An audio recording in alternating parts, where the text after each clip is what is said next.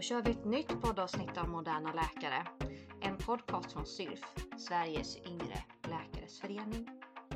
Idag har vi herr ordförande själv med oss i poddstudion. Robert Holmqvist valdes för några veckor sedan till SYLFs ordförande. Vi kommer att prata om eh, vad SYLF ska jobba med framöver och hans visioner för föreningen. Men framförallt ska vi prata om diskriminering. Ett ämne som du är riktigt vass på Robert.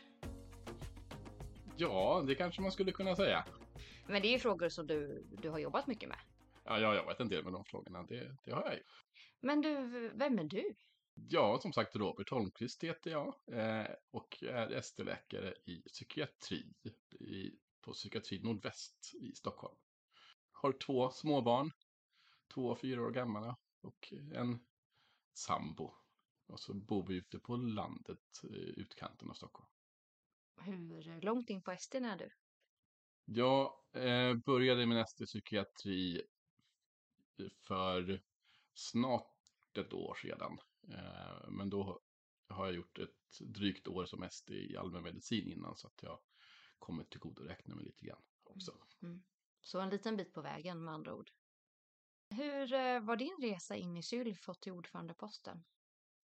Ja, den, eh, min resa inom Läkarförbundet började väl egentligen redan under studietiden när jag eh, var student i Linköping och eh, var engagerad i Läkarförbundet. Läkarförbundets student som det nu heter. Eh, och har satt vid deras centralstyrelse i två år. Eh, sen tog jag ett litet uppehåll från det fackliga. Och när jag började AT i Eskilstuna i Sörmland så blev jag kontaktad av valberedningen eh, och som frågade om jag ville sitta med i Sörmlands styrelse. Så du blev headhuntad? Jag blev headhuntad och sen råkade jag bli ordförande på en gång också dessutom, det, vilket inte alls var, var meningen. Mm. Um, så, så började min resa i SYLF för ett antal år sedan nu. Uh, och sen um, kandiderade jag till styrelsen och hamnade som ledamot i första året. Eh, och sen då förra året så var jag första vice ordförande i SYLF. Och nu är jag här mm. som ordförande istället. Men, men du har ju lite mer, du har ju en bakgrund i ett annat fackförbund också. Jag har eh, lite bakgrund i Seko eh, som ligger lite 20 år tillbaka i tiden. Så mm. det, det, är länge sedan. Och det är ett fackförbund som har varit på tapeten här sista tiden. Ja, det är det. Precis. Mm. Med deras lokförare. Mm. Det stämmer. Men jag var inte lokförare. Jag var tunneltågförare istället. Mm. Vad lockade dig med ordförandeposten? Ja, det, det, är ju en bra fråga. Eh, jag kände mig redo helt enkelt att axla rollen som ordförande. Jag brinner liksom mycket för, eh, för liksom förändringsarbete i organisationer överhuvudtaget. Och det är det jag känner att jag vill, jag vill jobba med. Eh, och det, det är som ordförande som man kan göra det helt enkelt på, på ett vettigt sätt. Eh, så det var väl var det som lockade helt enkelt. Vad är dina visioner för Sylf Visionen för SYLF framåt just organisatoriskt är att jag vill, vill att den centrala organisationen och det lokala närmar sig varandra. Eh, kan samarbeta på ett bättre sätt. Att vi ska tänka på devisen att tillsammans mot ett mål så blir vi starkare och kan påverka mer än om vi jobbar åt olika håll centralt och lokalt.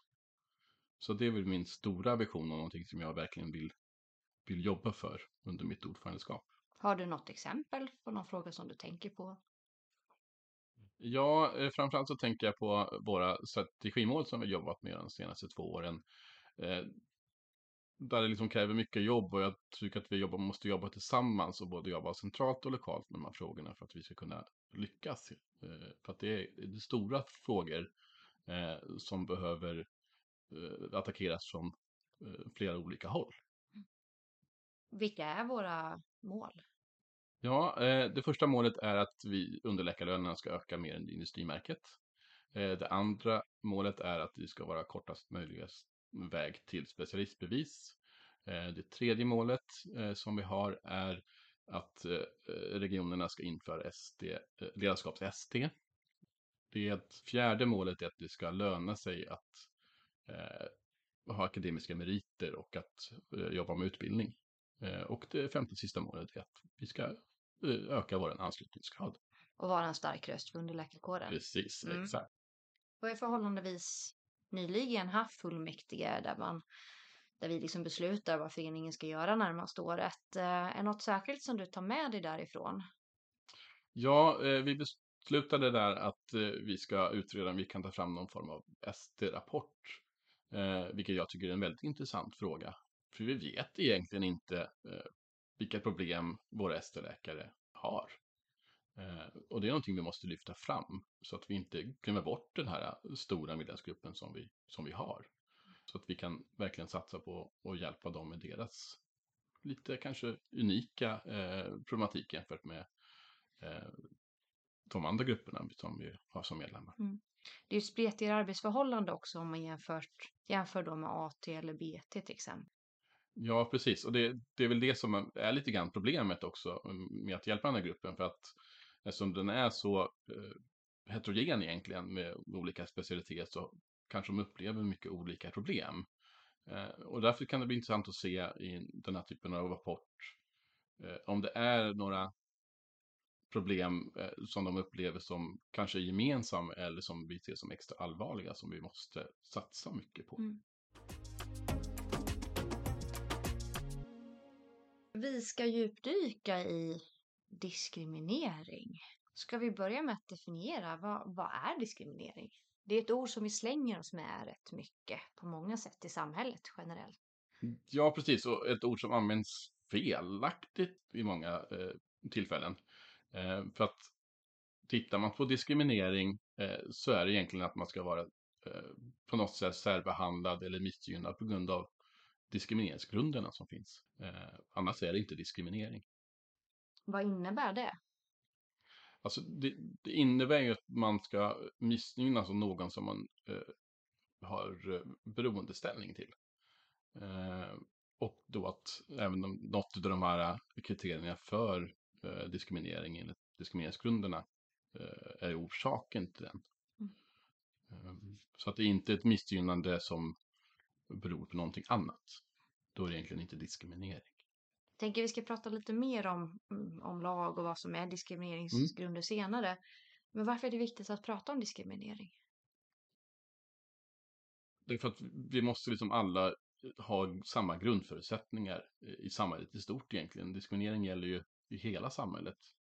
Eh, ha, lever vi inte efter samma förutsättningar och har samma möjligheter från början så, så i den mån det går åtminstone så måste vi liksom sikta åt det hållet. Eh, för annars så kommer vi slå ut människor i förtid som inte får en chans. Mm.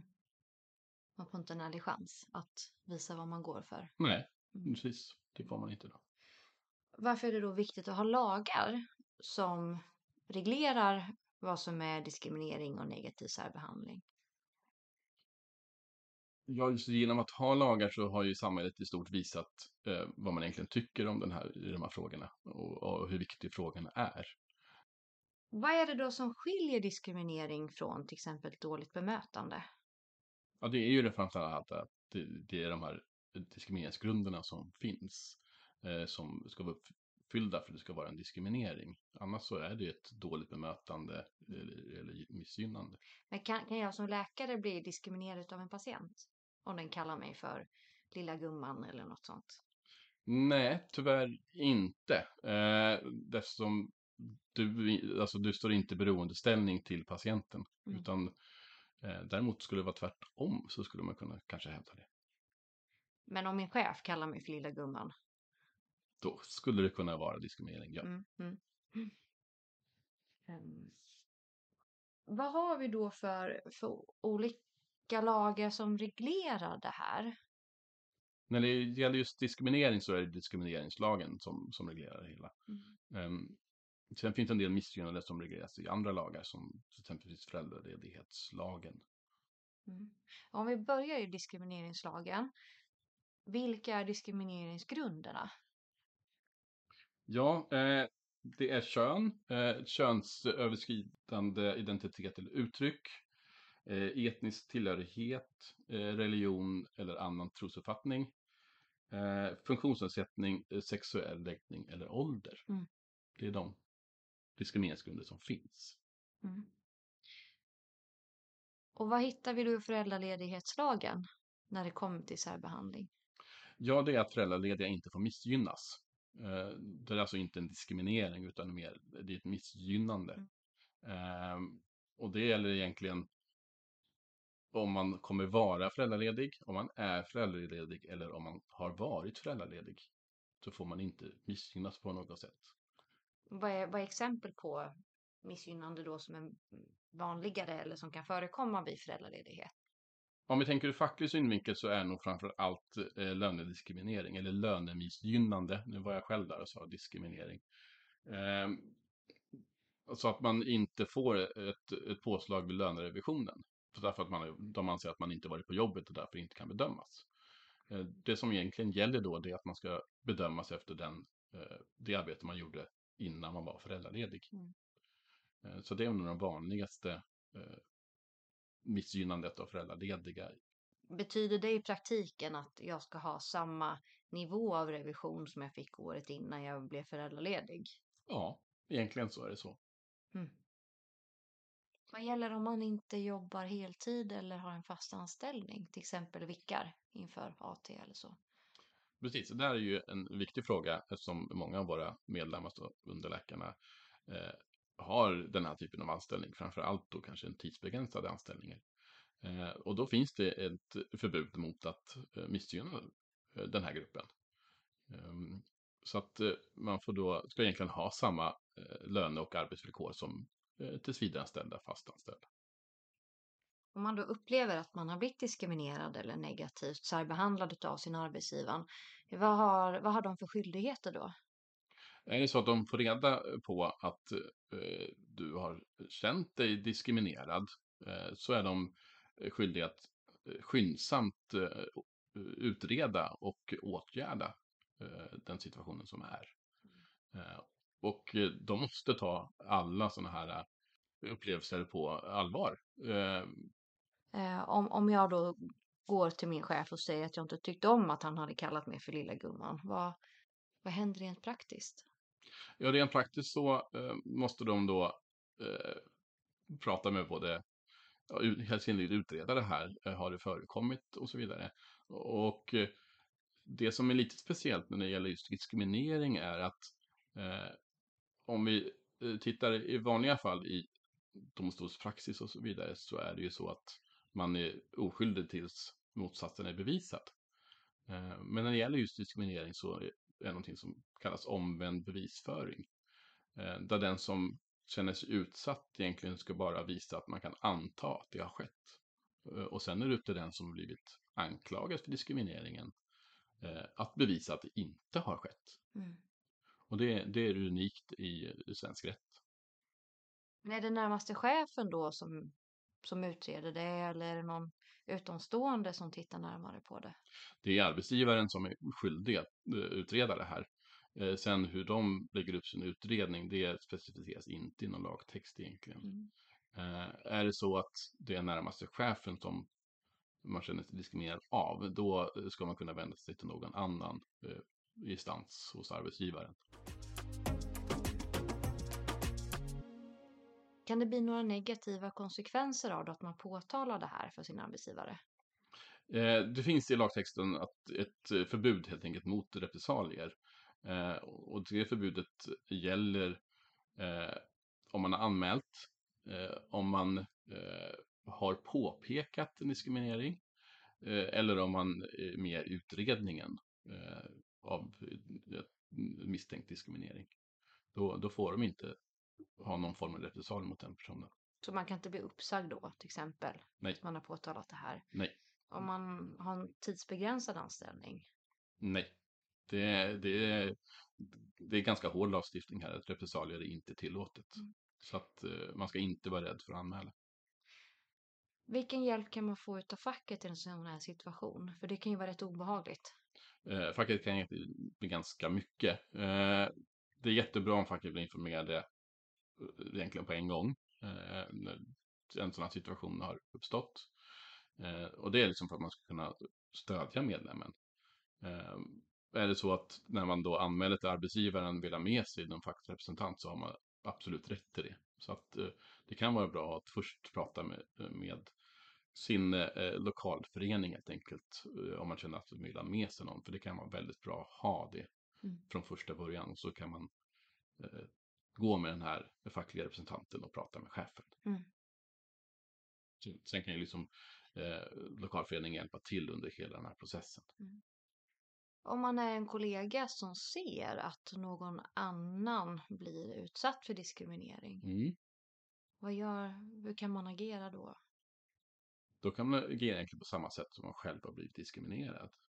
Eh, det är väl kanske bra att prata med den personen som man upplever blir utsatt eh, till att börja med. Men eh, man kan egentligen eh, gå till eh, sin chef eller liknande eh, och påpeka det här. Och då gäller egentligen samma skydd som om man anmält det. Så man kan inte få några repressalier för det heller. Mm. Finns det något som reglerar att arbetsgivaren ska arbeta förebyggande för diskriminering? Ja, det gör det. I diskrimineringslagen så eh, finns det texter om att eh, arbetsgivaren är skyldig att eh, aktivt motverka diskriminering. Så att det är ingenting de kan... Eh, alltså de, de måste jobba aktivt för att motverka det helt enkelt. Och, hur, hur går det till? Dels utbilda sin egen personal kan jag ju tycka är en bra idé. Eh, så att alla vet om vad diskriminering handlar om. I många fall så är nog diskriminering oavsiktligt. Man tänker inte på det. Eh, och det är väl ett jättebra sätt att eh, motverka, tänker jag, att faktiskt utbilda sin personal i de här frågorna. Mm. Det är någonting som till exempel HR ska vara experter på, eller? Det ska de definitivt vara policies och sånt där hör man ju talas om ibland. Och ja. kanske inte alltid har läst dem som man borde. Nej, precis. Eh, och jag tror att många arbetsgivare tänker att eh, en policy är ett preventivt arbete. Eh, jag kan nog tycka att det inte är tillräckligt. För att som du säger, policies finns, men vem läser dem? Det kan ju vara en bra grund, men det måste hända mer. Bra, ja, precis. En bra grund att utgå från. Eh, men jag tycker inte att det är tillräckligt. 2017 så briserade ju metoo runt om i världen. Mm. Eh, och i Sverige så vittnade ju många kvinnliga läkare om sexuella trakasserier genom gruppen utan tystnadsplikt. Mm. Skiljer sig sexuella trakasserier från andra former av negativ särbehandling? Eh, sexuella trakasserier ingår i diskrimineringslagen, eh, så det är en form av diskriminering. Det som särskiljer det från övriga eh, former av eh, diskriminering är att eh, när det gäller sexuella trakasserier så kan en enskild, enskild person bli anklagad. Medan i de övriga diskrimineringsformerna så är det arbetsgivaren som, är, som kan hållas ansvarig. Mm. Så det är skillnaden. Mm. Eh, om det skulle hända då att man blir utsatt för sexuella trakasserier av chef eller överordnad eller annan anställd, mm. vad, vad gör man? Egentligen på samma sätt som vi gör vid diskriminering, att man, man eh, vänder sig till sin chef eh, för att det är de som är skyldiga att eh, utreda skyndsamt och åtgärda. Och åtgärden i så fall kan ju faktiskt vara att plocka bort den som är misstänkt för, för de här sexuella trakasserierna. Mm. Eh, och så självklart hjälp av fackförbundet, eh, skulle jag säga. Ska man polisanmäla? Det tycker jag absolut man ska göra. Det är diskriminering är faktiskt ett form av brott, så det, det kan man väl absolut göra. Mm. Diskriminering är ju en stor källa till eh, dålig arbetsmiljö och arbetssituation. Och eh, man kan ju tänka sig att just underläkare också är extra utsatta med tanke på konkurrensen till utbildningstjänster och så. Eh, varför är det viktigt att prata om diskriminering oss underläkare emellan och påtala brister som vi stöter på i vardagen? Diskuterar man inte diskriminering eh, så är det lätt att det som sker aldrig kommer till ytan. vi måste våga prata om, eh, om diskriminering helt enkelt. Eh, för annars så tror jag det är lätt att man just tycker att det här inte är en viktig fråga. Eh, vilket det är. Det är en väldigt viktig fråga. Eh, och det är mycket, alltså vågar någon säga någonting så är det lätt att andra hakar efter. Vi ser väl ett typexempel i metoo-debatten helt enkelt. Att när någon vågar säga någonting så, så kommer det andra fram. Mm. Eh, därför det är en viktig fråga eh, att hela tiden lyfta. Jag tänker om man vänder på perspektivet också. Det är klart att det kan kännas obehagligt att säga ifrån. Men det här är ju en hygienfråga för arbetsgivaren. Definitivt. Eh, och de vill ju inte ha människor som diskriminerar på sin arbetsplats. Nej, det får vi verkligen hoppas att de inte vill. Eh, det vore väldigt illa om de inte tycker att den här frågan är viktig när de lyfts. Så man kan ju se det som att man också gör arbetsgivaren en tjänst. Genom man. att säga ifrån. Absolut, det tycker jag verkligen man kan göra. Mm. Men Robert, tack så jättemycket för att vi fick lära oss mer om diskriminering och känna dig lite bättre här nu när du är styrelsens ordförande.